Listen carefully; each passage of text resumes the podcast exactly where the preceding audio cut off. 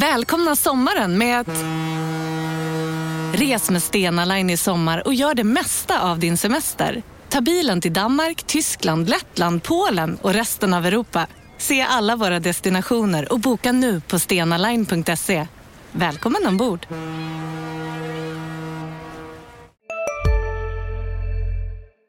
Ja, ska vi köra? Det ska vi. Det här är mitt vattenhål. Denna dystra dag. Jag, jag känner ju alltid innan vi börjar spela att jag har inte en podd i mig idag. Nej, inte jag heller. Men jag kommer ha det. Vi kommer, För man det får finns. energi när man Ja. sätter igång. Efteråt mår man så jävla bra. Ja, det gör man. Men just nu så känner jag bara, det är, det är en jävla stress hela Ja, tiden. det, Alltså. det, ja, fasen, Vi alltså. behöver det här. Det, det, här behöv, det här behövs idag. Kevin, du ser ju hur hårt vi jobbar! Ja, Tycker du att du jobbar hårt? ja, jag vet inte, Oskar ligger mest och sover på Sover!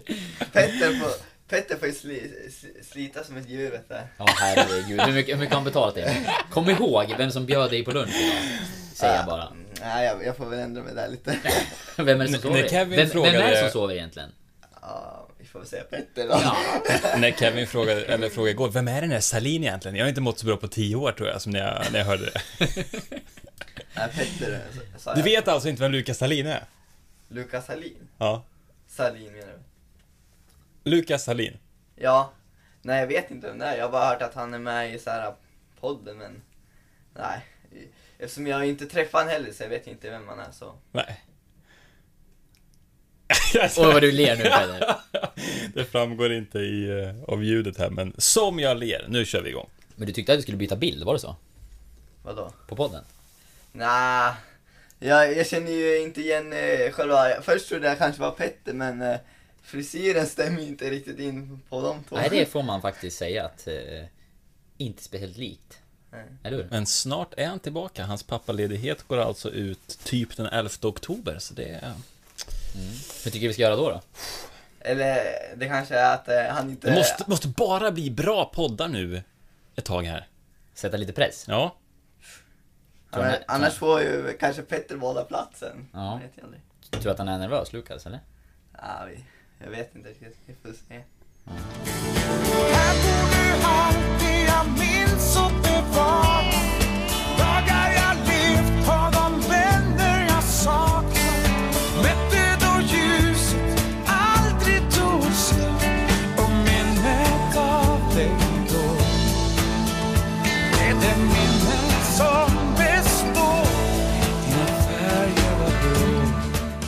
Du lyssnar på GIF-podden avsnitt 37 med mig Petter Öhrling, mitt emot mig som vanligt Oskar Lund. Med oss i studion idag har vi, eh, ja, inte ens en gäst utan finare än så. Vi har en praktikant, Kevin Wahlstedt.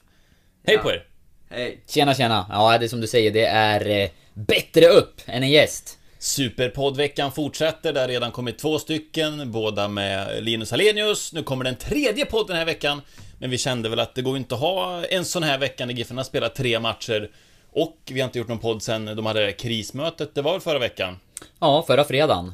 Så det känns ju helt på sin plats och... eh, Ja men eh, självklart, ska vi växla upp när det är så tätt med matcher och när det är så pass hett som det är nu. Det, det glöder verkligen kring GIF Sundsvall och Allsvenskan på många sätt och då ska vi vara som bäst. Ja, vi får väl beta av eh, Eskilstuna-matchen lite grann och så AIK-matchen som var igår förstås. När vi står och spelar in det här så är det fredag den 22 september, klockan är 15.11 just nu. Eh, så podden kommer väl ut någon gång under kvällen här hoppas jag innan Timrå spelar i Allsvenskan för sen kommer jag ha fullt upp. Ehm, och så ska vi förstås prata lite om det här krismötet som var sen. Kanske skadeläget, det är ju brännande hett också. Skadelistan är lång och det är rena thaiboxningen, sa Joel Cedergren. Ja, eh, och det har ju du koll på som kampsportsexpert. Ja, och det blir väldigt och då, då intressant. är det mycket lårkakor, så Ja, på så sätt har han rätt. Ja, du ser. Eh, vi är också, ja men med tanke på matchen på söndag, väldigt intressant. Eh, Vi kanske kan snacka lite grann om hur vi tror att eh, Giffarna kommer att ställa upp det. För Ja, nu blev det helt det- plötsligt konkurrens eh, med tanke på hur många spelare som ändå fick liksom in och ersätta på ovana positioner och sådär i gårdagens match och som gjorde det väldigt bra. En av få tankar jag hade inför dagens avsnitt var att vi ändå måste spåna fram en startelva utifrån det vi vet i dagsläget. fixar Annars så eh, är vi ju, eh, jag antar att du också är det, väldigt oförberedda idag. In, inget arkiv och inget, eh, ingen läxa och det är mycket nu, stressigt nu när hockeyn har dragit igång och Giffarna spelar så här tätt hela tiden och du är hockeyredaktör och det är mycket annan sport som pågår också. Vi bara kör. Vi bara kör. Men jag är lite besviken på, på starten här. Jag fick inget smeknamn idag och under den här veckan har jag fått två olika sms av eh, bekanta som har benämnt mig Teskedsgumman. Vad glad jag blir av det. Jag vet att Eller vänta, din, var det trollflöjt? Jag måste kolla. din sambo tyckte också att Teskedsgumman var ett bra smeknamn. Så Jaså? vi kanske, måste det komma något nytt då? Trollflöjten var jag ganska nöjd med själv, men Eh, Trollflöjten, frågetecken, frågetecken, frågetecken, utropstecken har jag fått av en här. Och sen var det Teskedsgumman var det en annan som, som skickade också. Så att det är eh, båda de här smeknamnen som du har gett mig på slutet verkar ha etsat sig fast. Ja, hur är det när du går runt på stan och när du tränar din innebandy och fotboll och sådär? Har du fått eh, höra något? Verkar det ha fastnat? Nej, inte så mycket eh, spontana utrop längs stadens gator. jag hoppas att det fortsätter på det viset. I Men hemmets lugna vrå då? eh, där har det tagits upp. Ja. Mm. Det tycker jag. Ja, det verkar du tycka om. Men eh, vi släpper det för tillfället då, Teskedsgumman, och så går vi in på... Eh, ska vi börja lite med AC-matchen då, kort? Men det blir väl kronologiskt rätt? Ja, men det är väl enklast så. Eh, Giffarna vann med 2-1. Linus Hallenius eh, gav Giffarna ledningen i den fjärde minuten. Sen hade Giffarna en period, första 15-20 minuterna i början av andra halvlek, där jag pratade med Linus Hallenius efteråt för att jag var på plats på Tunavallen. Och han sa att så utspelade som vi var då har vi inte varit på hela säsongen. Eh, och jag kan nog bara hålla med att då var de kraftigt tillbakapressade och eh, från ingenstans De fick ett litet avbrott där när Marcus Danielsson skallade ihop med en motståndare eh, och det vart, blev liggande blodig Eh, men från ingenstans så gjorde Giffarna 2-0 istället för det 1-1 som det kändes som det hängde i luften. Sen reducerade Omar Edari på stopptid. Matchen slutade 2-1. Giffarna tog sin tredje raka seger. Ja, eh, äh, som du säger så var ju laget väldigt tillbakapressade där stundtal så eh, Ja, man kände sig mer eller mindre säker på att det skulle komma en kvitteringsboll. Jag satt ju i TV-soffan och du var på plats. Men det känns ju som att GIF är ju inne i en bra period nu. Jag såg att Rickard Norling, AIKs tränare, hade uttalat sig inför matchen igår om att eh, Giffarna är inne i sin bästa period på säsongen och, och lite så känns det. Eh, inte nödvändigtvis den bästa spelmässiga perioden, men eh, en period där man har självförtroende igen och där laget känner att de har hittat ett sätt att vinna matcher och ta poäng. Och det...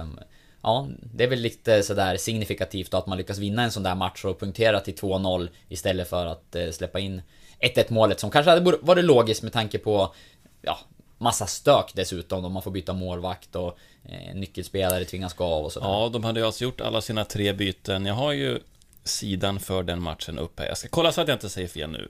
Jo då, de hade gjort alla sina tre byten innan eh, Eskilstuna hade gjort sitt första. Och alla tre var ju på grund av skador. Tommy Naurin klev av skadad. Kristin Freyr Sigurdsson klev av skadad. Eh, han var med sen senast nu mot eh, AIK. Marcus Danielsson klev ut skadad. Eh, Danielsson och Tommy var inte med. Men eh, båda verkar i alla fall hoppfulla och kunna spela mot Jönköping. Ehm, Ja, det, det, något man också kan säga om det här då, det var ju att eh, GIF Sundsvall för andra gången i år slog Eskilstuna. Att man har vunnit eh, en och kryssat en mot Halmstad. Eh, så att eh, liksom resultaten mot de här eh, lagen som, som ligger under strecket har ju varit Eh, väldigt bra. Vunnit rätt matcher. Mer värt att besegra dem än att plocka samma poäng mot ett topplag istället. Eh, Och det, det är ju någonting som, som de har gjort bra i år och som när vi summerar säsongen, eh, om GIF Sundsvall lyckas hålla sig kvar utan kval, eh, så kommer de, de segrarna ha varit väldigt betydelsefulla. Mm. Och Jönköpingsmatchen hemma slutade ju 0-0 Precis. så... ehm, Där har man också potential att ta ta. tre poäng där och ta fyra poäng totalt Mm. sett över två matcher. Då är det egentligen bara av de lagen som är nära Kalmar som de har förlorat båda mot. Ja, och då kommer det bli det egentligen då som, som avgör eh, i slutet. Att man, man vann just de här matcherna. Mm. Eh, Och det... Historiskt har jag väl ingenting i huvudet just nu men eh, det... eh, Ja, det känns någonting som har seglat upp lite grann som en styrka den här säsongen i alla fall då. Att eh, vin, vinna de där matcherna. Rätta Mm. matcherna. Ja, absolut. För, men lite som du var inne på också, att de har ju inte... Matchbilderna har ju inte sett ut som de önskat. De har inte styrt spelet och... Eh, mot Örebro var det väl desto bättre, men mot Sirius och Eskilstuna så hade de inte bollinnehavet. Eh, vann de väl inte det, så vitt jag kan minnas. De var i alla fall kraftigt tillbakapressade under långa perioder. Och så ändå så liksom krigar de sig till tre poäng, eh, sex poäng då totalt. Eh, och det är ju liksom en attityd och eh, sådär som vi inte riktigt har sett tidigare under säsongen. Där de kanske har fått spelet att stämma, men ändå gått lottlösa från många matcher. Ja, och min känsla är att det är en kombination just av det du nämner, attityden som man ju har jobbat på på olika sätt. Eh, spelarna har fått lyfta fram punkter som de själva ska bidra med till gruppen. De har hade de spelat teater inför varandra eller Ja, någon form av... sa väl, rappat, så så var det. Tommy att de hade gjort. Ja men liksom sådär för att stärka gruppen och, och plocka fram en viss mentalitet. Det tror jag är en del. Och sen så tror jag att en annan del är att man har jobbat på att bli lite rakare i sitt anfallsspel. Att komma på lite fler inspel in mot straffområdet. Att ta lite fler tidiga skott utifrån. Eh, Och att det också har lett till att man eh, kanske behöver Ja, det behöver inte bara liksom bollinnehavet som leder till eh, de skapade målchanserna alla gånger. Utan det kan gå lite snabbare. Som när David Batanero sätter en briljant djupledspassning till Erik Larsson som i sin tur hittar Linus Alenius. Till exempel mot AFC borta. Mm. Och just det här att de hittar sätt att vinna matcher och tar de här nödvändiga, för att inte säga livsviktiga poängen, är ju en styrka i sig och en styrka som vi inte har sett tidigare under säsongen och att, den här, att de plockar fram den här styrkan i en, liksom den här sista tredjedelen av säsongen när pressen eh, har varit enorm, eller väldigt stor åtminstone, är ju väldigt imponerande. Så det får man verkligen säga hatten av till Giffarna. Det känns som att det lika gärna kunde ha varit så att men nu ligger vi riktigt dåligt till här inför, säg, Örebro-matchen. Och att det knyter sig, eller låser sig, eh, just av den här enorma press som, som är. Ja, och alla verkligen. negativa skriverier som har varit. Ja, och det har det varit. Och de har också fått mycket kritik. Från, från alla håll. Både från oss i media och från supportrar och från eh, liksom, tyckare på, på alla dess vis. Och eh, skulle Giffarna klara av det här och fortsätta på den inslagna vägen nu och eh, vi leker med tanken att man säkrar ett kontrakt med ett antals, antal poängs marginal ner. eh, Då har man gjort en väldigt bra säsong som jag ser det med den truppen man har. Eh, Och då tycker jag också att det är många som bör kanske se sig själva lite grann i, i eh, spegeln och tänka till på ja, men hur pass fort, hur lätt det är att eh, skrika på förändringar tidigt. Det var ju avgångskrav på Joel Cedergren väldigt tidigt under den här säsongen kan jag tycka. Och vi pratade om det i podden att det inte kändes berättigat så Nej. tidigt.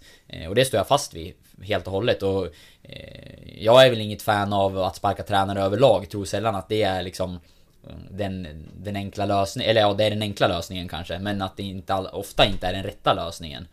Eh, på kortsiktigt någon match kan det ge effekt då, eller liksom om det finns tydliga problem som man vill, vill få bort, men eh, generellt så tror jag att det är ganska sällan som det ger stora eh, resultat. Och jag tycker att någonstans ser vi den här säsongen fram till idag så har i alla fall GIF Sundsvall poängmässigt presterat vad man kan förvänta sig av laget. Med det sagt så finns det alltid saker som går att göra bättre och detaljer att trycka på och, och vi ska vara kritiska när det är befogat och det tycker jag också att vi har, vi har varit eh, under säsongens gång.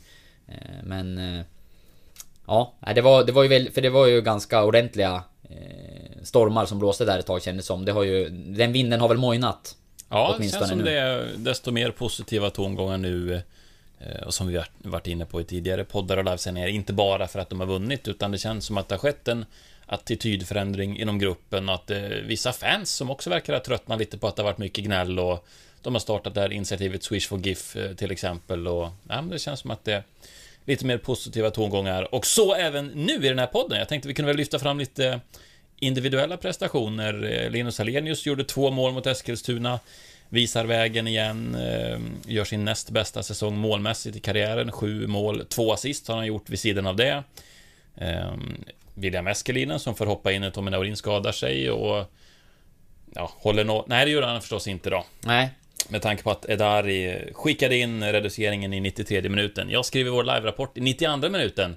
Nu önskar man ju ändå att Eskelinen får hålla nollan när han spelar så här bra. För han gjorde många fina räddningar. Bland annat en direkt på ett skott från 7, 8, 9 meter eller så. Ja, och den tror jag var väldigt viktig för honom och för Giffarna att han fick komma in och, och sätta tonen direkt och visa att eh, jag kan rädda bollar i Allsvenskan. Man visar det både för sig själv och för laget och eh, det var någonting som jag tror att han eh, bar med sig under matchen och även in i mötet med AIK igår. Mm, han säger ju själv att, och sa i podden här när han var med för ett tag sedan, att jag är redo för att spela i Allsvenskan redan nu. Eh, men eh, det har ju ändå varit ett frågetecken då förstås med tanke på att vi har inte sett honom på den nivån och ingen annan heller. Eh, men eh, Eskelinen gjorde det väldigt bra i sin allsvenska debut. Jonathan Morsey får vi lyfta fram också. Väldigt fin aktion som föranledde Hallenius 2-0 mål. När han vände bort, vem det nu var, i Eskilstuna-försvaret och, och serverade Hallenius till ett enkelt mål. Mm, jättefin prestation och det, det är ju det man hade velat sett ännu mer av honom under den här säsongen. Eh, när han är i de där situationerna och lägena så, så har han en, eh, ja, en teknik och en spets som inte så många spelare har och jag tror att på sikt kommer vi få se väldigt mycket av honom eh, i IFarna Mm. Tyckte tyvärr inte att han var lika lyckosam mot AIK igår. Kändes lite slö och tappade boll vid några tillfällen. Även om han hade någon bra aktion när han utmanar sådär som han gör väldigt bra ofta. Eh, men om vi går till AIK-matchen då, en match som blev mållös. Där eh, AIK hade snäppet mer bollinnehav, 52-48, men Giffarna hade fler avslut, 7 mot AIK 6 och dessutom de vassare chanserna. Larsson hade ett distansskott, Wilson hade väl ett, ja, ett friläge får man väl säga att det var och eh, Hallenius också ett skott från inifrån boxen. Mm. Eh, ja, nej men en... Eh, vi sa på förhand när vi sände live på Facebook att ta Giffarna poäng mot eh, topplaget AIK med tanke på förutsättningarna, hur många spelare som, som saknades och sådär så gör de det väldigt, väldigt bra. Och det tycker jag att de gjorde. Försvarsinsatsen var nästintill prickfri skulle jag vilja säga. Eh, såg väldigt bra ut. Både William Eskelinen, det, det han hade att göra, vilket inte var så mycket, men eh, det gjorde han bra. Hela trebackslinjen tycker jag var eh, ja, riktigt vass alla tre faktiskt. Eh, Carlos Moros Gracia fortsätter imponera på mig med, med sin attityd och det han har bidragit med till Giffarna under den här hösten när han har fått chansen att spela. Eh, David Myrestam eh, gjorde jättemånga viktiga brytningar. Eh, Bland annat en när han mer eller mindre räddade på, på mållinjen och klev fram. Stefanelli kastade sig fram för att peta in bollen i 28 minuten vill jag minnas, men eh, Myrestam var räddande ängel på mållinjen. Dessförinnan gjorde ju Eskelinen sin vassaste räddning. Han var inte lika sysselsatt eh, mot AIK som han var mot Eskilstuna, men han fick en tå på ett skott från Blomberg. Ja, eh, nej som sagt defensivt. Eh, Annars tycker jag man kan mycket, lyfta mycket bra fram Eskelinen igen, för den här gången är det helt andra förutsättningar. Han har eh, några dagar, eller åtminstone flera timmar på sig att tänka på att nu ska jag göra allsvensk debut från start inför hemmapubliken och mot ett topplag som AIK. Eh, På många sätt kan det vara enklare att, eh, som när han kastades in i matchen mot Eskilstuna och liksom knappt han tänka. Han var bara värma upp lite grann och sen in i hetluften direkt. Ja, men det är som vi har pratat om att hans... eh, Han och det visade han ju också när han var här i podden och pratade att han, eh, han har ett bra självförtroende, han tror på sig själv och han känns... eh, Han känns trygg i sig själv. Eh, Jag tror inte att han eh, tvivlar så mycket och grubblar allt för mycket inför sådana här matcher. Utan jag tror att han var ganska övertygad om att han skulle gå in och göra det bra. Eh, Och det, det känns som att det är en styrka en sån här gång. När man, eh, när man kastas in på det sättet. Att eh, Han tror på sig själv och går in och kör och är rätt övertygad om att han ska kunna hålla nollan och, och göra en bra match. Eh, och det tror jag är en bra egenskap i, vid de här tillfällena. Mm. Och nu sa han ju sen efteråt att jag frågade lite hur tänker du inför söndagen då? För Tommy eh, har ju en lårkaka då efter den här smällen som han fick. Han brakade ihop med Mohamed Boraturay. Eh, det verkar ju ändå som att Tommy, är det en lårkaka så skulle han ju kunna spela på i söndagens match mot Jönköping Tjänst och då frågade jag William, hur, hur tänker du inför söndagen? Ja men, jag höll ju nollan så nu, då får jag väl spela vidare, sa han. Och ville sen betona att han skojar lite. Det var med glimten i ögat han sa det, men det är bra självförtroende, absolut. Mm. Och jag tror ju ändå att om, eh, om Tommy Naurin är spelduglig, då kommer han att stå. Kevin, vad tyckte du om eh, AIK-matchen? Du var också på plats med oss. Ja, jag tyckte det var öppet eh, till båda lagen. Jag tyckte att eh, vilket lag som helst hade kunnat vinna den där matchen. Det var, var väl ungefär sista kvarten som AIK hade det mer. Men innan dess så tyckte jag att eh, båda lagen hade så här upp, öppna möjligheter till att vinna helt enkelt. Mm. Vem var bäst på plan då? Ja, i vardera lag eller? Ja, G- Giffarna är viktigast. Ja, I den, här, I den här podden. Jag skulle vilja säga Gracia eller och, och Gracia. Sen tyckte jag att eh, Larsen gjorde väldigt bra där på inne i mittfältet. Vi måste ju prata om Erik Larsson. Ja, vi återkommer dit. Vem var bäst på pressläktaren? Ja, vi får väl säga... Nej, jag vet inte. Vi får säga... Men vad gör du Oskar? Du kan ju inte stå ett strypgrepp på honom! Vi får väl Oskar, säga... sluta! Vi får väl säga Oskar där som... eh, jag jobbar sa, ju inte Jag, jag sa ju redan om att han sov, så han får väl tillbaka det nu. Han Tack, tack, han var bäst på Han jobbade ju inte ens. Nej, jag var ju till och med ledig igår. Det är Ja. omöjligt att vara bäst då. Bäst- Nog om det. Ja, hur känns det? Bättre än dig när jag var ledig. Men, eh, strunt samma. Ja, Eh, nej, men och Erik en grej som jag tänkte på, ja, men innan vi kommer till Erik Ja. Larsson. AIK var ju sensationellt bra mot Halmstad när Mm, de just hade det. 4-0 efter första halvlek. Kunde det blivit 8-0 sa du? Ja, det, ja, men det var Mm. närmare 8-0 än vad det var 4-1 i den första halvleken. Stefanelli hade fyra kanonlägen redan vid ställningen 0-0 och då satt man och tänkte, men vad, vad är det här? Och så Sen började det trilla in några bollar, de hade två stolpskott eh, utöver de här fyra målen, så att det var, det var en total överkörning. Det bästa AIK jag har sett på år och dagar och åtminstone den här säsongen helt klart. Och med det i ryggen i kombination med alla Giffarnas skadeproblem och lårkakorna och thaiboxningen som Joel Cedergren uttryckte det, så tänkte jag att det på förhand såg ut att vara eh, en svår match för Giffarna. Och det var det, men de tog en viktig och imponerande poäng. Mm. Ja, verkligen. Och eh, en av de förändringar som man tvingades till, det var ju att kasta in eh, Allsvenskans bästa högerback som innermittfältare. Eh, Erik Larsson och... Det var eh, en förändring vi inte hade räknat med. Nej, det var ju ändå. ja, väldigt spektakulär. Eh, Hade inte sett den komma överhuvudtaget. Det var många olika scenarion som vi bollade innan och eh, faktiskt ett som jag lyfte var att Peter Wilson skulle spela från start i en av de här eh, kantrollerna. Mm. Eh, det var en grej som vi snackade om och det, det trodde jag att det fanns ganska goda möjligheter till och eh, det vill jag också säga med facit i hand att det var ett bra beslut och att han, Peter gjorde en bra match. Jag tycker han gjorde en av sina bättre framträdanden den här säsongen och att han är en av spelarna som har faktiskt lyckats bäst i den rollen. Med tanke på hur matchbilden var igår i alla fall, när han fick Mm. löpa en del i djupled och så. Ehm, Så det var bra. Men att Larsson skulle spela in mittfältare hade jag inte Nej, av ens alla konstellationer vi hade pratat om i både i olika livesändningar och, och sammanhang eh, och vår preliminära laguppställning som vi hade i SDs papperstidning. Så inte någon gång pratade vi om Erik Larsson som central mittfältare, men som han löste den uppgiften på ett bra sätt. Ja, vi borde ha pratat om Erik Larsson som eh, mittfältare med tanke på hur bra han var. Men vi ska inte behöva göra det igen om vi ska tro Joel Cedergren, för han Nej. vill helst ha sin, eh, sin duktiga högerback ute på högerkanten. Mm, Jag håller nog med om det också. Äh, Det är lätt att, nu med tanke på hur bra Larsson var igår och sprang och täckte ytor, vann dueller och även var bra framåt och drev upp bollar och, och kom på avslut och sådär. Men eh, Giffarnas bästa anfallsvapen den här säsongen har väl ändå varit att komma på högerkanten eh, där Erik Larsson har stormat fram och det, det tror jag man vill fortsätta med här i, i slutomgångarna också. Eh, så att får man tillbaka lite spelare kan jag förstå Han fick det. ju en annorlunda roll. Eh, Dels var han lagkapten, men det jag främst tänker på är ju att det var ju liksom Det är Batanero som är den lite mer spelintelligente och kanske den som ska ha bollen och slå de här avgörande passningarna och fördela bollen vidare. Larsson skulle ju göra slitgörat bredvid Batanero och kanske täcka upp lite för att Batanero är lite trög ibland och inte den som jobbar hemåt hårdast av alla. Ja, Exakt, och, det, och jag tycker att det blev ett väldigt lyckat drag för att eh, Larsson gjorde sin eh, del på ett jätte, jättebra sätt och det skapade också yta för Batanero att Som du säger, han är inte, han är inte snabb eh, Men han har en eh, Fullkomligt briljant vänsterfot och speluppfattning. Eh, Och det visar han ju några gånger och när han får den där tiden så, så är han en eh, Klassspelare tycker jag.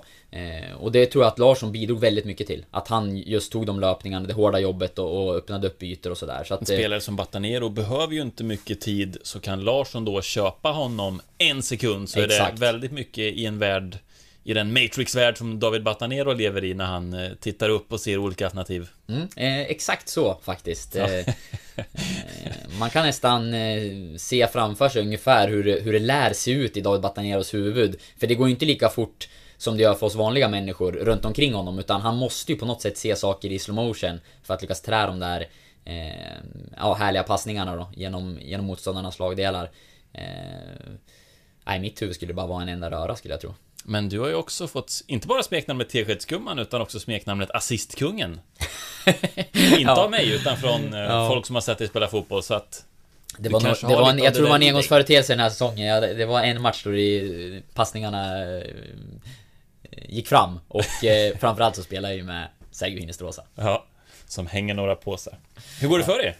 Eh, jag har gått tyngre på slutet. Rasat lite grann tror jag. Men är med där uppe, fyra eller någonting. Eh, Men ni inget- nosar inte på seriesegern? Nej. Tur är väl det. Eh, Vi kan ju dra de andra resultaten från omgång 24 i Allsvenskan också. Norrköping slog Häcken med 4-1. Elfsborg och Djurgården kryssade 2-2. Halmstad-Kalmar 1-1. Östersund-Malmö 2-2 i vad jag har förstått var en fantastisk fotbollsmatch, även om jag inte har sett en sekund av den själv. Eh, J Södra tog tre viktiga poäng eh, hemma mot Sirius, som har rasat. Eh, förlorade ju bland annat mot Giffarna med 0-1 här på Studenternas. Hammarby, Göteborg 2-1, Örebro, Eskilstuna 2-3. Ett intressant resultat för Giffarnas del. Eskilstuna låg under med 2-1 när det var typ fem minuter kvar. Sen gjorde Omar Edari två... Eh, också vad jag återigen inte sett dem. Hört att det ska vara läckra mål. Han gjorde väl en Rabona-framspelning till eh, eh, Eskilstunas första mål också. Så det är väl de resultaten som sticker ut. Tre tunga poäng för Eskilstuna, som inte varit bortskämda med vinster den här säsongen. Och så J Södra då, som väntar på söndag. Ja, eh, det är väl lite extra liv i det här då med tanke på eh, deras seger, såklart. Eh, och deras, eh, ja, att eh, det tajtar till sig ännu mer helt enkelt. Mm. Jag ska ja. ta upp tabellen här. Ja, jag tänkte ju säga det. Poängen där har man ju inte i huvudet direkt. Hur ser det ut nu då? Det är alltså... Så här ser det ut då, om jag tar från plats 12 och neråt, för det är väl det som är mest intressant. Giffarna på plats 12, 26 poäng, lika många som Kalmar på 13 plats. Sen har Giffarna minus 11 i målskillnad och Kalmar har minus 15. Eh, Jönköping på kvalplats, 23 poäng, alltså 3 poäng bakom Giffarna. Eh, Eskilstuna, som är näst jumbo, har 15 poäng, alltså 11 poäng bakom Giffarna. Och Halmstad som är jumbo, 12 poäng bakom Giffarna med 14 poäng. Eh, Ja, nej men det känns ju som tidigare. Det är Kalmar och, och J Södra som Giffarna slåss med. Vi har ju sagt Ja. J Södra och att Kalmar skulle segla iväg lite grann. Så har det inte blivit. Utan eh, nu är Kalmar precis lika inblandat i det där som, eh, som de övriga lagen. Så att... Och det är väl bra för Giffarnas del att det är ytterligare ett lag som är med där i den kampen. Annars hade det varit rent race med, med J Södra. Eh, Och det är väl bra att man Innan vi knyter upp den här poddsäcken kan vi väl, eh, i och med att jag har datorn framför mig, kolla de, eh, det kvarvarande spelschemat för Absolut. Giffarna, Kalmar och Jönköping. För att, som vi vet så har Giffarna ett svårt spelschema efter, ja, söndagens match blir också svår förstås. Och Jönköping har det lite enklare. Det kan vi återkomma till. Men ska vi först säga då att vi kommer att vara på plats, jag och kollega Andreas Lidén i Jönköping. Kommer att bila ner i sju timmar på söndag. Och sända live hela vägen. Ja, du vill att vi ska göra det? Ja, jag har svårt att se vad jag annars ska göra på en eh, ledig söndag. Eh, nu när man inte får vara med, när man har blivit... Eh, ja, hockeyredaktör för en månad, en en, månad till framåt. Ja, men i, i de här lägena så är det klart att det är med en suck. Ja. Eh, man eh, älskar att bevaka allsvensk fotboll och eh, jag fuskar ju lite grann. eh, Även under den här tiden och det tänker jag fortsätta med. Men! Jag får inte åka med till Jönköping. Eller Kan- kanske jag får. Om jag lägger mig i bakluckan. Får du för din sambo? Nej, det är ju det, det kanske där det är tvek, tvekan då. Nej, det tror jag inte. Jag tror hon skulle tycka det var rätt skönt. Nej, men vi kommer att vara på plats på Stadsparksvallen. Ytterligare en, vi pratade om allsvenska arenor senast du och jag stod här. Eh, fick jag lägga till Tunavallen i Eskilstuna, nu får jag lägga till Stadsparksvallen i Jönköping. Tunavallen var lite intressant, för det är ju bostäder som är liksom på i, vad ska man säga, i hörnen på de fyra hörnen. I alla fall i två av dem, de jag kunde se som var på sidan mitt emot mig, så var det bostäder. Och alla har ju balkonger, så att det är ju liksom ett 50-tal personer där som har Ja men det är som att de har en VIP-loge och tittar ut precis över planen. Kanske Fast, en eh, eh, affärsidé för GIF Sundsvall att ta efter dem med tanke på den ekonomiska situationen. Eh, börja eh, hyra ut eh, lägenheter i, i arenan. Nu äger de ju inte den men eh, kanske gå och hitta någon deal där på något sätt. Ja, nej men jag tyckte det var lite läckert faktiskt. Mm. Ehm, och de har ju också ett av damallsvenskans bästa lag, det är Eskilstuna United. Ehm, så att eh, har man en sån lägenhet, mycket bra fotboll att, att se. Ja, verkligen. Men eh, i vilken ände ska vi börja med Jönköpingsmatchen då? De har ju också haft lite skador. Jag såg ju den här matchen mot... Var det Blåvitt de mötte Mm. när eh, Tommy Thelin fick ställa sig mellan stolparna för att Anton Kajtoft gjorde illa knät. Han var tillbaka mot Sirius i omgången efter. Han har ju haft en korsbandsskada tidigare. Först tänkte man väl oj, för det var väl samma knä som han gjorde illa, att har han dragit korsbandet igen? Det hade han inte. Han spelade mot Sirius i omgången därefter och lär väl stå även mot eh, Giffarna. Däremot heter han Francesco Mansilla, eller är jag ute på tunn is här? Mansilla heter han väl i alla fall? Ja, eh, precis. Han blir borta en längre tid. Han fick ju någon muskulär lårskada. De fick i alla fall eh, byta målvakt både en och två gånger. Ja, och som du säger så trodde man ju först att det skulle vara ganska allvarligt med Kajtoft där och vi, du och jag snackade lite grann om det också. Eh, Det hade kunnat blivit en väldigt intressant situation inför mötet med Giffarna. Eh, Nu har man ju en av sina målvakter tillgängliga då i alla fall. Och bra för J Södra. Synd för GIF. För det är såklart att det hade varit en ja, väldiga avbräck att ha två målvakter på skadelistan. Och to- har Tommy Thelin i mål igen mot uh, Giffarna. Ja, tappar Nej, man dessutom ett offensivt vapen. Men eh, jag har lite dålig koll på Jinkö- Jinköping eh, J Södra tänkte jag säga eh, Har gått nu på slutet, men de vann ju alltså mot Sirius senast Så har väl i alla fall en seger i ryggen, men det kommer ju bli Det här är ju verkligen en ödesmatch Ett ångestmöte och alla andra olika epitet vi har satt eh, kring andra matcher Det här är ju en sexpoängsmatch Ja, det är klart att det är det. Eh, Och nu har ju ändå Giffarna satt sig i ett läge där de skulle kunna ha råd att förlora den här matchen. eh, Och ändå ha saker och ting i sina egna händer under slutspurten. Men eh, du var inne på det lite grann med spelschemat som kommer och det ser tufft ut. Så att eh, en vinst mot Jönköping på söndag man ska ju inte säga att det är klart, men eh, då, då har ju Giffarna ett väldigt bra utgångsläge inför avslutningen av Allsvenskan. Då... eh, Ja, då ska de börja darra ordentligt för att eh, tappa det.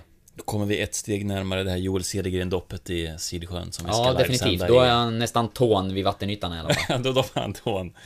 Uh, ska vi börja spekulera i någon slags startelva här då? Jag kan ta upp guiden som vi hade inför AIK-matchen. Där vi i alla fall har de olika skadorna. Noah Sonko Sundberg är tillbaka. Efter avstängning. Tror vi att han slår sig in? Är det så självklart? Nej, jag tycker inte att det är självklart eh, med tanke på eh, prestationen som eh, GIF gjorde igår och som de tre spelarna längst bak i, i trebackslinjen stod för. Alla tre gjorde det väldigt bra och förtjänar ju att få fortsätta från start. Jag tror ju såklart att Marcus Danielsson kommer spela om, om han är hel och det tycker jag någonstans är helt rätt. Jag håller ju ändå honom som ja, en av Giffarnas liksom, topp tre viktigaste spelare. Eh, Så, så han tror jag går in. Men det är väl ändå Gracia som får vara kvar då? För jag misstänker att de vill flytta upp Myrestam på Olssons plats. Eller vad tror jag- du? det, det är ju det som man landar i någonstans, att jag tycker David Myrstam gjorde det väl, väldigt bra som eh, mittback till vänster igår. Men eh, han, jag tycker också att han har varit bra som vänstervinge på slutet. Eh, och därför känns det någonstans som att den kanske mest naturliga förändringen är att flytta tillbaka honom till den positionen. Eh, och spela med Björkander, Danielsson. Eh, och sen är det frågan då hur man kommer att resonera. Eh, Ja, att sätta sig in i Joel Cedergrens huvud här. Någonstans så tror jag nästan att han kommer låta Noah Sonko Sundberg spela ändå. Ja, jag håller... Ja, precis. Jag Om håller jag med dig. Jag, jag tror att gör. Joel låter Noah komma in i startelvan. Men om du och jag får vara GIF-tränare här, då... Jag tror dels att Tommy är tillbaka, och det baserar jag bara på min känsla utifrån att uh, prata med honom efter Eskilstuna-matchen och på inför AIK-matchen och sådär att... uh, jag tror inte att det är så allvarligt, om det nu är en lårkaka som vi har hört, uh, så tror jag att han... De vill, de vill ha dem i mål mot Jönköping. Och sen så tror jag också på Gracia, Danielsson och Björkander i backlinjen. Och så Myrestam ute till vänster, Larsson tillbaka ute till höger. Sen har vi Steindorsson då, som stod över. Eh, Det verkade ju också låta på honom som att han eh, bara ville vila AIK-matchen för att inte missa Jönköpingsmatchen nu när det är så tätt och intensivt matchschema, att han inte vill bli borta en längre tid. Steindorsson tillbaka centralt eh, bredvid Batanero.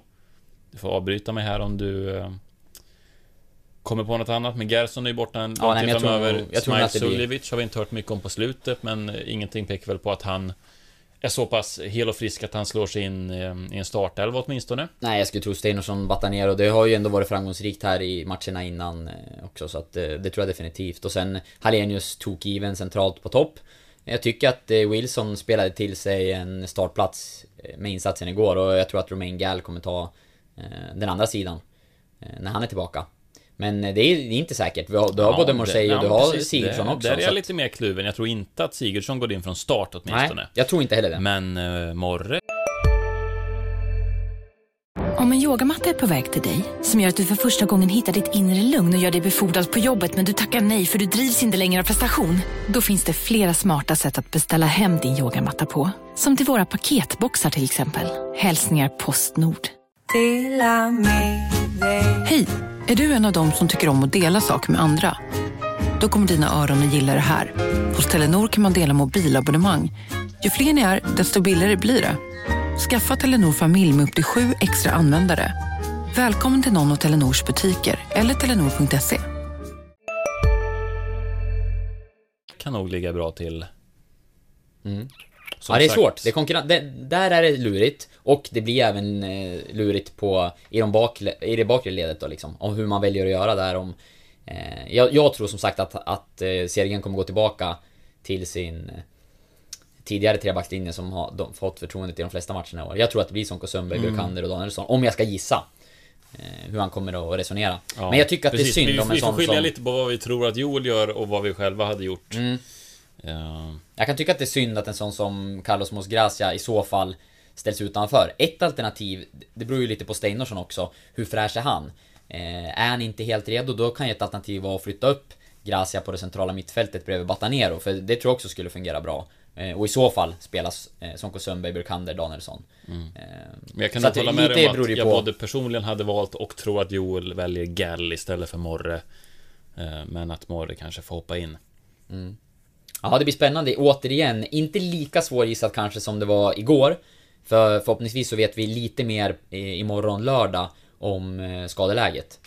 Eh, Och då tror jag att man kan få en lite tydligare bild och kanske liksom spekulera lite mer eh, på ett bättre sätt eh, om startelvan. Än igår var det helt omöjligt. Ja, och det vi kan säga också var ju att Sigurdsson då, som var ett frågetecken, fick en smäll på baksida lår mot Eskilstuna när han klev av, spelade ju en kvart igår mot AIK.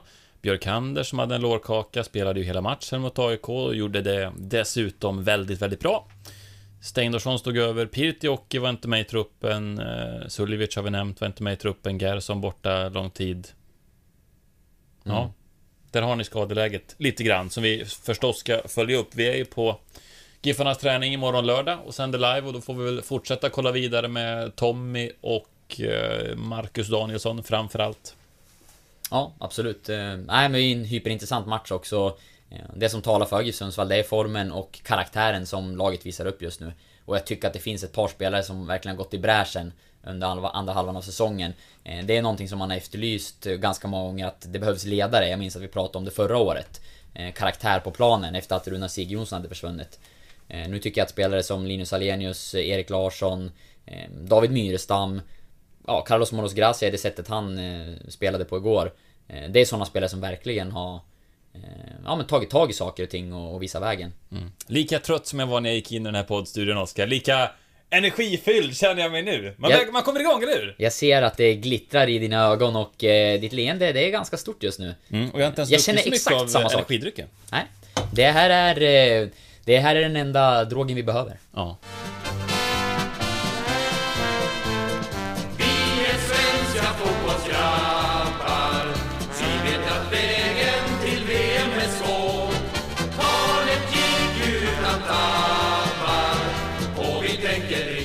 Det vi kan säga också är ju inför Jönköpingsmatchen då, tre spelare ligger just nu på... um, jag säger två gula kort. Danielsson står ju på fem totalt, Mm. men när jag säger två tänker jag i termer om tre åt gången med tanke på avstängningar då. Mm. Danielsson, Björkander och Sigurdsson ligger i riskzonen att eh, få stå över eh, Djurgårdsmatchen då, blir det. Ja, Ska vi ta en titt på spelschemat som återstår? vi gör det. Då ska vi se. Eh, söndagsmatchen då först, J Södra Giffarna, blir ju hyperviktig. Därefter har Giffarna Djurgården hemma, Elfsborg borta, Norrköping hemma, Hammarby hemma och Blåvitt borta i sista omgången. Fem tuffa matcher. Absolut. Jag ska dra en snabb sökning på Jönköping här också.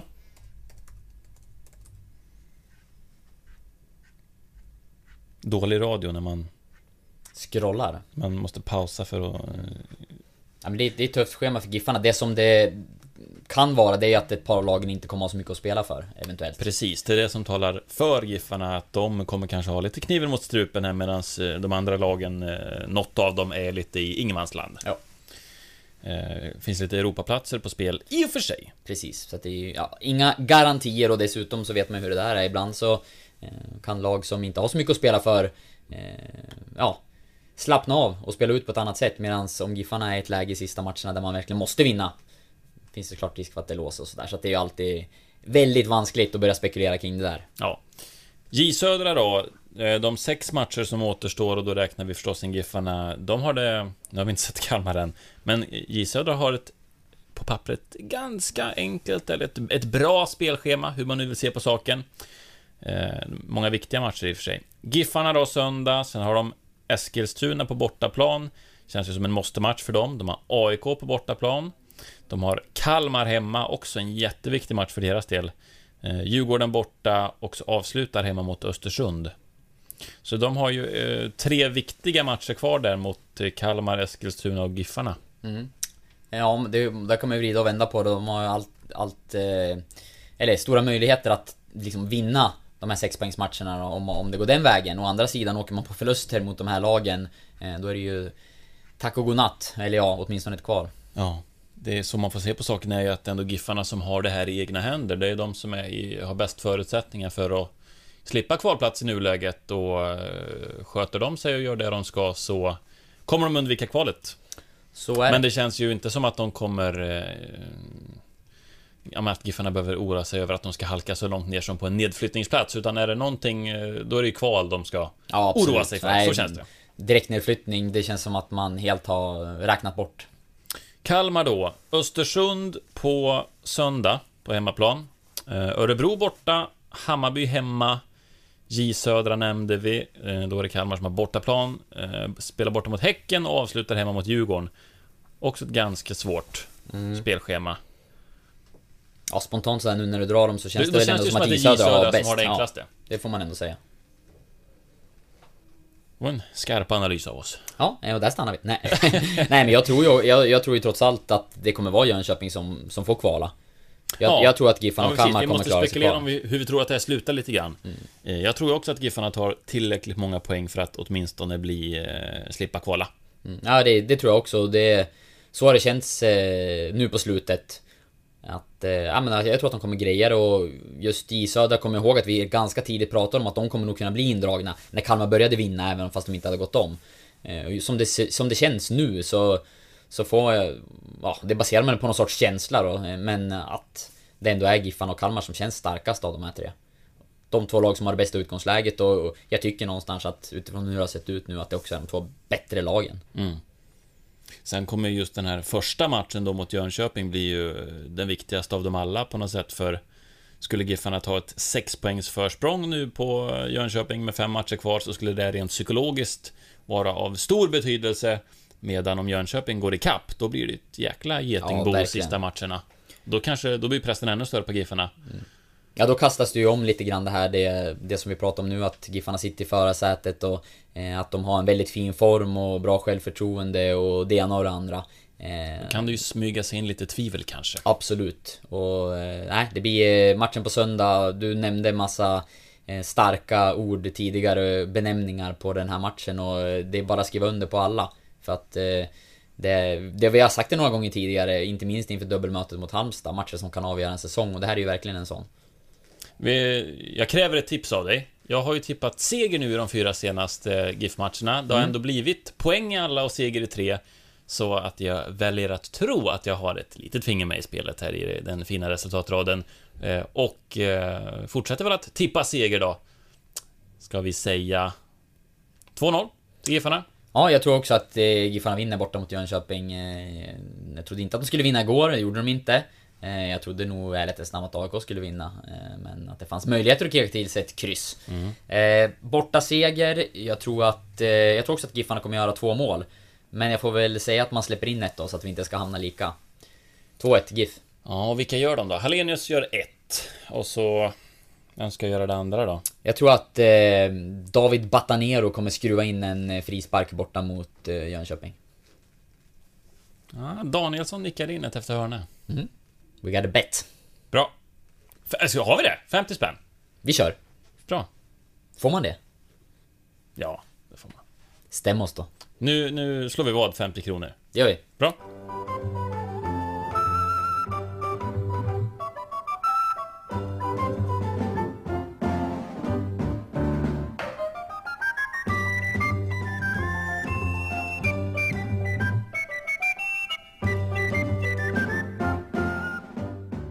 Innan vi eh, avslutar podden måste vi ändå prata om det här krismötet och Giffarnas ekonomi eh, efter att vi hade spelat in vår senaste podd.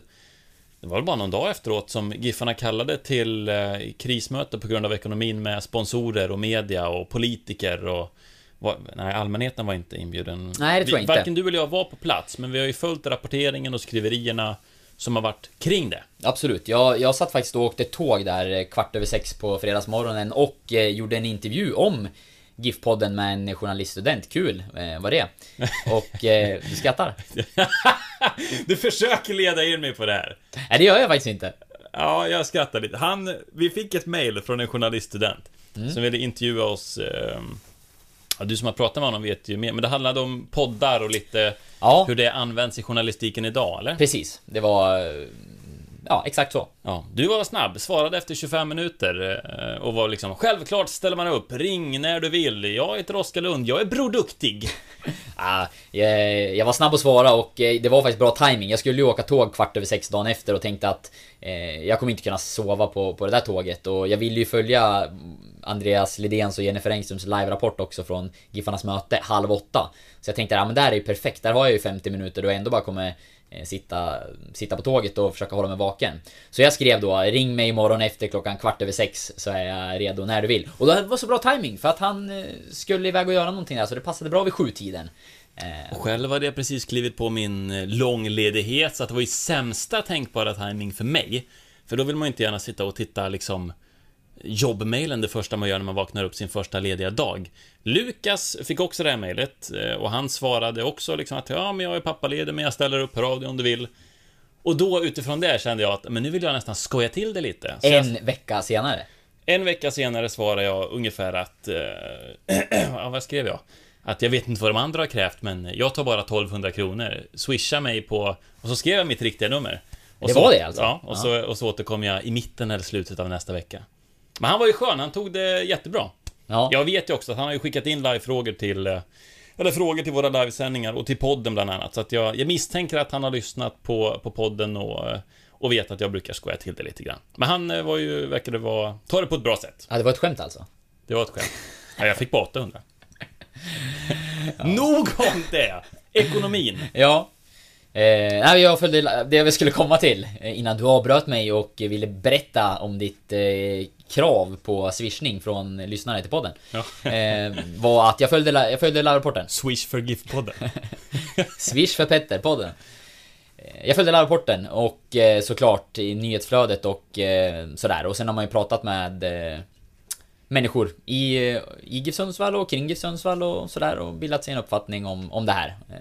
Och ja, känslan jag fick från eh, de som var på plats och som rapporterade lite om vad som hände, det var väl att eh, väldigt stor del av mötet handlade egentligen om att beskriva läget och liksom förklara att varför fotbollsklubbar har det tufft med ekonomin och att det till stor del ser ut så i Allsvenskan och det ena och det andra. Eh, och sen så i slutändan så kom man egentligen fram till att eh, GIF Sundsvall behöver låna pengar eh, för att eh, klara året. Ja, de har ett underskott på 5 miljoner var väl det som kom fram.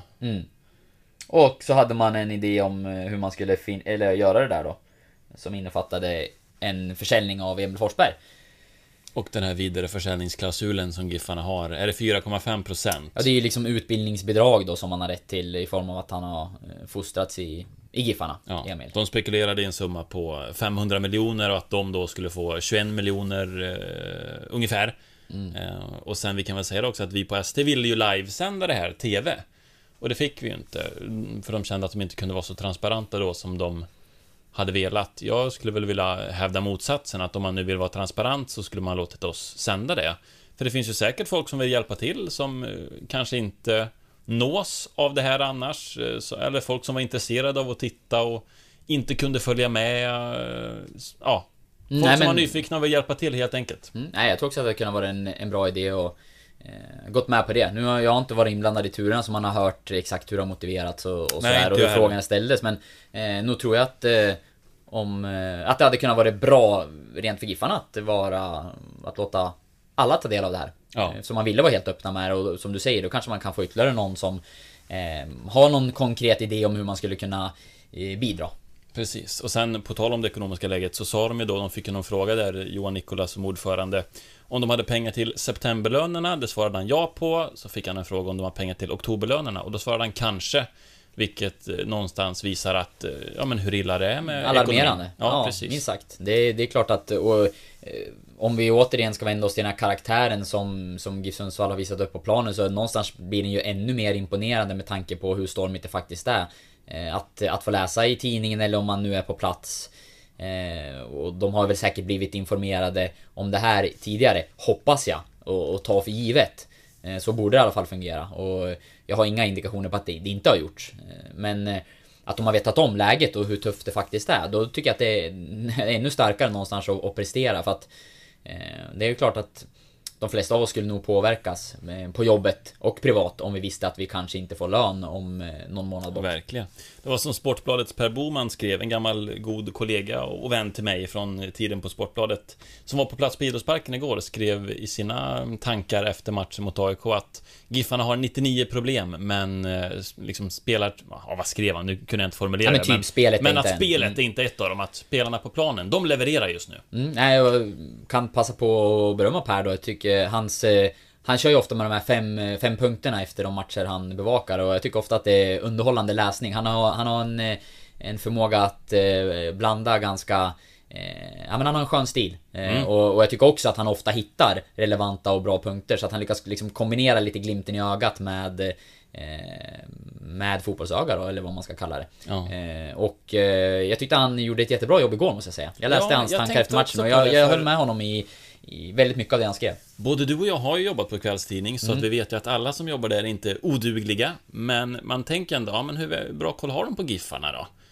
Eh, Men eh, jag tyckte också han skrev mycket kloka saker om Giffarna och kul också att han lät fyra av de här fem punkterna han lät ju Giffarna dominera, att det handlade om eh, GIF Sundsvall och inte AIK som han inte tyckte förtjänade så många rader. Nej, och det ska man veta att, att som kvällstidningsreporter välja den vägen, det är inte det lättaste för det som skrivs om AIK läses eh, otroligt många gånger mer än det som rapporteras om GIF Sundsvall i, i det mediet liksom. Och, eh, så det är klart att han har ett, en viss press på sig att leverera mycket om AIK.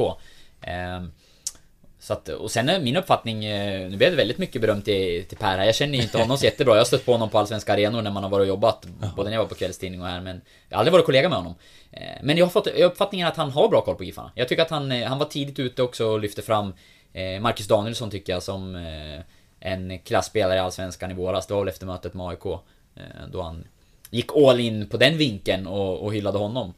Eh, Och sådär. Så att nej, bra koll på Giffarna. Det ska han ha respekt för. Det, det tror jag att många GIF-fans uppskattar. För det är inte alltid det är så. På de, eh, när de stora drakarna är i farten. Nej, och läcker mustasch har han också. Dessutom. Så beröm till Per Boman. Men han saknade mobilladdare igår och...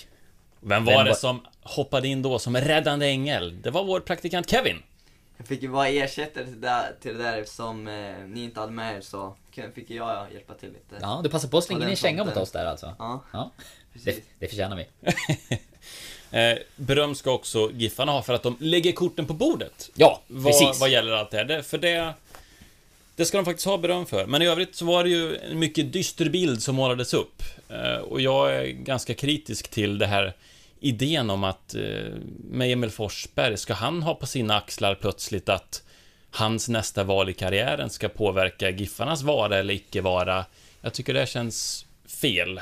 Jag tycker Giffarna ska kunna klara sin ekonomi på egen hand utan att Emil Forsberg ska känna sig indragen. För vad som också kom fram under det här mötet var att han var oinformerad om den här planen, trots att den totalt centrerade kring honom. Mm, och, det som, och det som också blir...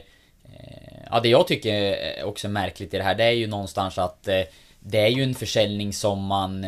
Visst, man kan spekulera och tro och, och kanske ja, förvänta sig att eh, Emil Forsberg kommer bli såld till en större klubb. Det är ju inte alls omöjligt med tanke på den fotboll han presterar och att det har varit mycket rykten kring honom. Men det finns ju ingen som helst garanti. Och det är ju inte heller GIF Sundsvall som äger frågan. Utan det är ju Leipzig. Det är, de som är, det är hans klubb och det är de som kommer ta ett beslut om de ska sälja honom eller inte. I nästa transferfönster som kommer till vintern eller i transferfönster som kommer till sommaren. Precis, vi vet inte om det blir en försäljning, vi vet inte när den blir, vi vet inte om eh, Emil Forsbergs korsband håller, vi vet inte om Leipzig går som tåget i Bundesliga och överraskar i Champions League, då kanske Emil vill stanna. Vad händer då med Giffarna? Jag tycker det känns jättekonstigt att han ska behöva ha på sina axlar att han hjälper eller stjälper sin moderklubb. Ja, jag tyckte det var märkligt. Ja, det var, det var inte vad man såg eh, framför sig. Om vi pratade om att eh, det var oväntat att Erik Larsson skulle gå in som mittfältare eh, hemma mot AIK så var väl liksom det, det här som presenterades någonstans ungefär lika överraskande. Det hade man absolut inte sett komma och nej men jag, jag är väl inne på ditt spår också att det, det, kändes, det kändes ganska märkligt faktiskt. Eh, sen för, kan jag förstå om man sitter i i slutna rum och diskuterar och, och ska få ett lån att eh, vi har ju faktiskt en stor möjlighet att få in de här pengarna under nästa år och sådär. Eh, Så är det ju. Det, det är väl ganska troligt att att Emil Forsberg skulle, skulle kunna bli såld inom en hyfsat snar och överskådlig framtid. Eh, Men att det ska vara någon sorts garant. Eh, nej. Ja, men det är precis det, är det som blir konstigt. Jag skrev på Twitter att personligen bygger min privatekonomi utifrån den lön jag vet kommer in på kontot och inte på eventuella summor som jag hoppas trillar in, att jag ska vinna på Triss eller dylikt. Eh, Och det är lite så det känns att de, de var väl också inne lite på det att de har byggt sin ekonomi kring chansningar lite grann vad gäller publiksiffran till exempel och nu gör de det igen då med en eventuell försäljning av Emil eh, och inte summor som de vet kommer in. För de räknade med en höjning av publiksnittet enligt budgeten till exempel. Mm, och där vet jag att de själva var inne och, och, och tyckte väl inte att de hade räknat så, så värst fel utan att det var en ganska logisk eh, bedömning men eh, med facit i hand så så stämmer den ju inte. Nej, precis. Nej, och sen i övrigt tänkte jag på att jag mm, var som sagt inte på plats, men jag följde vår live-rapportering eh, som var väldigt flitig av Andreas Lidén och Jennifer Engström. Det var ju väldigt många inlägg där. Och jag saknade lite konkretisering också. Det var ganska mycket att ja, men vi måste bli duktigare på det här och vi måste jobba hårdare med det här. Men jag saknade lite konkreta exempel på vad ska ni göra då? Ja, det där är någonting eh, jag kan känna att rätt ofta kring idrottsklubbar att eh, man pratar om att man kan inte skära så mycket mer på, på kostnaderna. Eh, och det säger ju GIF Sundsvall också, att man kan inte minska på den biten utan man måste öka intäkterna och, och hitta liksom ett flöde på det sättet. Och, nu minns jag inte vilken ishockeyförening det var, men jag, jag lyssnade på en, eh, en podd här i förra veckan. Där det var en klubbledare inom någon av, någon av SHL-klubbarna i alla fall som pratade om, om deras ekonomi och var inne på samma spår. Att, eh, Vilken föredömlig hockeyredaktör det är som lyssnar på Ja, tack ska du ha.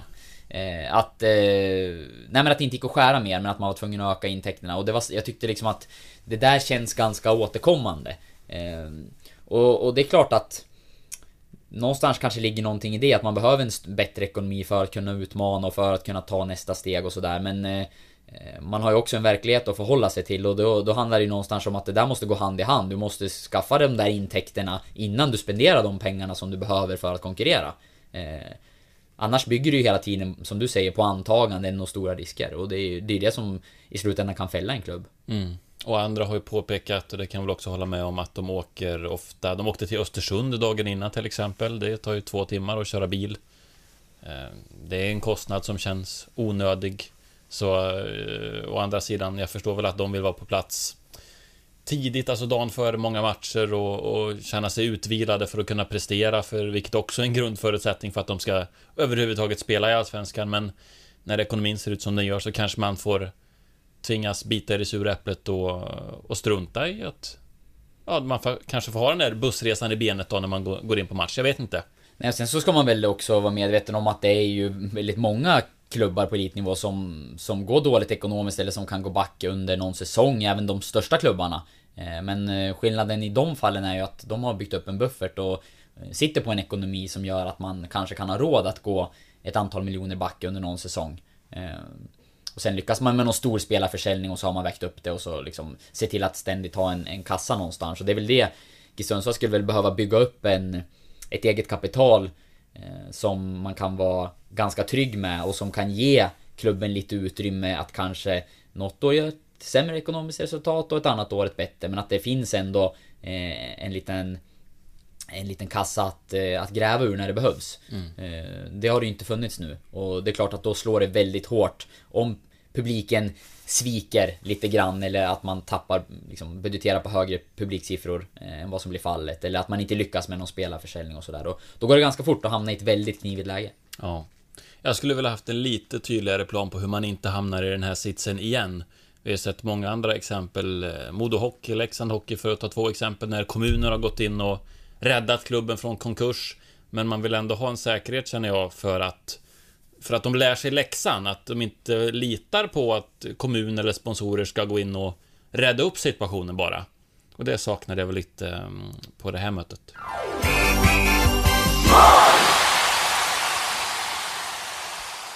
Nu är klockan 00.14 när jag står och berättar det här. Jag måste hoppa in och avbryta podden lite grann för att efter att vi spelade in så kom det en intressant nyhet om den ekonomiska krisen i GIF Sundsvall, nämligen att den akuta blödningen är stoppad. Näringslivet i Sundsvall ställer upp och lånar ut de 5 miljoner som behövdes. Eh, fotbollskanalen var först med att rapportera det här klockan 17.31 så pushade de det här, alltså ungefär 45 minuter någonting efter att vi hade stått här och spelat in. Eh, det första jag gjorde då var att försöka få tag på Johan Nikola som jag har pratat med. Sen var det så mycket hockey så jag hann inte mm, stå och spela in det förrän nu. Cirka 40 sponsorer är det som kliver in och håller Giffarna flytande. Jag har som sagt pratat med Johan Nikola. Tog upp mycket av det som vi pratade om här i podden, jag och Oskar. Bland annat användandet av Emil Forsbergs eventuella försäljning. Då sa han så här. Det har inte använts som en formell säkerhet och ingen av dem jag har pratat med har uppfattat det så heller. Vi kan inte pantsätta Emil Forsberg, det kan vi inte göra. De pengarna ska bara ses som en bonus. Och det var väl lite en sån tydlig signal jag kände att jag saknade på mötet förra veckan. Nikola betonade också att det är fortsatt hårt jobb som väntar. Giffarna kan inte lägga sig på latsidan nu bara för att det har löst sig på kort sikt. För att undvika liknande situationer i framtiden måste de få fart på intäktssidan, säger han. Kostnadssidan går det inte att göra mycket mer. Klubben har också tagit ett första steg till att få till den här vänskapsmatchen mot eh, Emil Forsbergs tyska klubb Leipzig. Man hoppas att det kan ske nästa sommar och att de kan ta med sig sina ungdomslag som kan spela mot eh, GIF Sundsvalls ungdomslag och att de på så sätt kan göra någon rolig heldag av det hela. Vi var också inne lite på att, eh, jag sa i alla fall det, att jag tyckte att det saknades konkreta förslag på mötet på vad man kan göra för att vända på det här, eh, den här skutan. Jag tyckte att det var lite luddigt, men Johan Nikolas sa att det har hänt mycket efter det här mötet. Han tyckte det hade gett positiv effekt. Han hade haft många samtal med många olika personer som är villiga att hjälpa till. Jag kände att det var viktigt att komma in och säga det här innan vi skickade ut podden, eh, som nu fortsätter några minuter till. Det var Qi Huangti, kung av Xin, som lät bygga den kinesiska muren och bränna alla böcker i Kina. Detta hände på Hannibals tid, innan Jesus var född. Du tittar på mobilen. Ja. Viktiga jobb. SMS.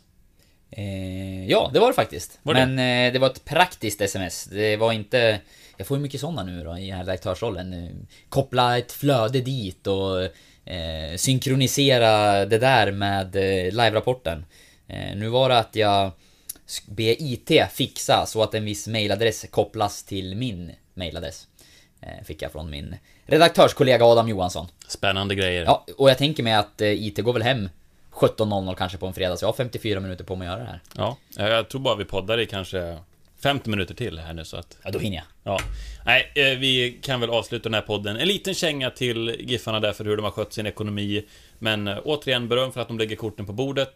Det ska de ha all heder för. Eh, Och beröm till spelarna för hur det har sett ut på planen på slutet. In i en väldigt fin trend och och plocka nödvändiga poäng. Och Eh, beröm till eh, vår eminente prao som har skött sig med bravur den här veckan.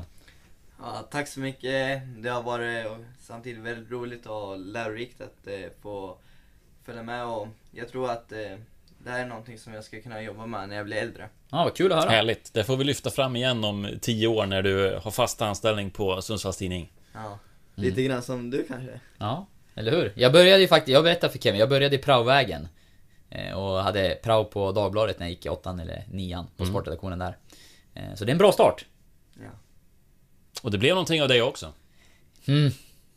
Det blev en... eh, Det blev en teskedsgumma och en trollflöjt. Och vi har inte fått Kevin att börja dricka kaffe än, men... Nej, så någonstans har man misslyckats med det här. Ja, ja, på sätt och vis. Vad tycker du om den här podden då Kevin? Har, har vi sagt... Har det varit okej? Ja, det tycker jag är väldigt roligt att lyssna och era tankar och så, så att ja, det har varit kul.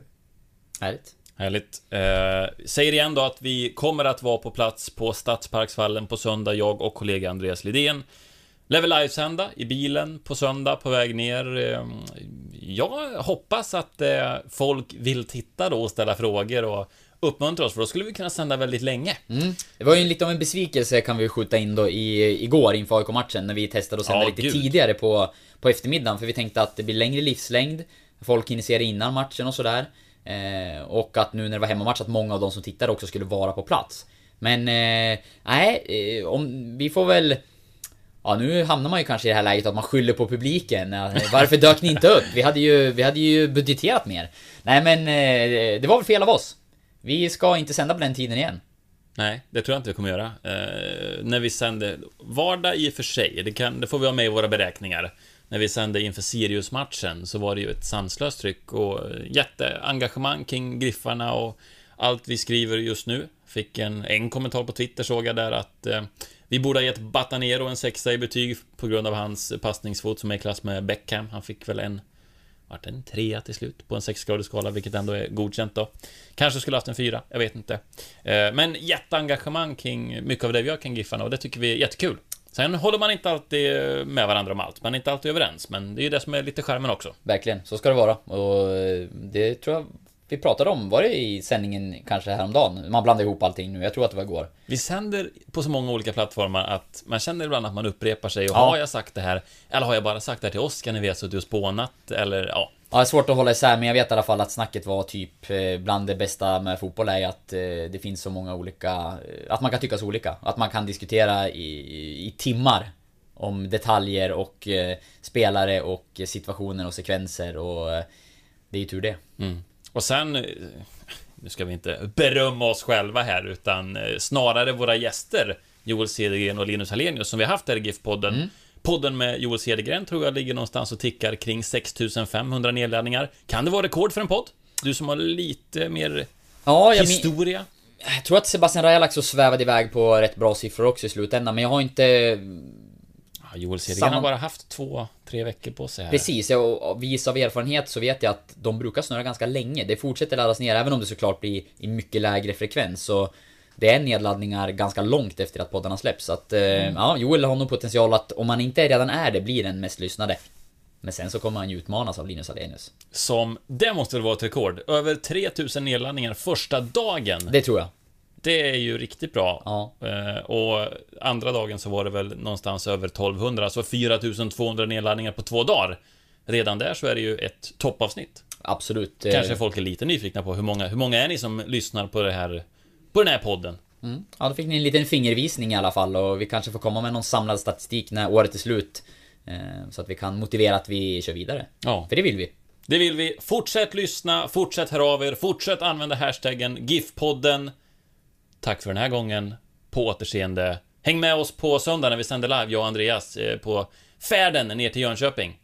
Några sista ord, Oskar? Jag kommer titta, eller så kommer jag ligga i bakluckan. Några sista ord, Kevin? Eh, jag får väl också se på matchen på TVn då. Bra. Stark avslutning. Hej! Ciao!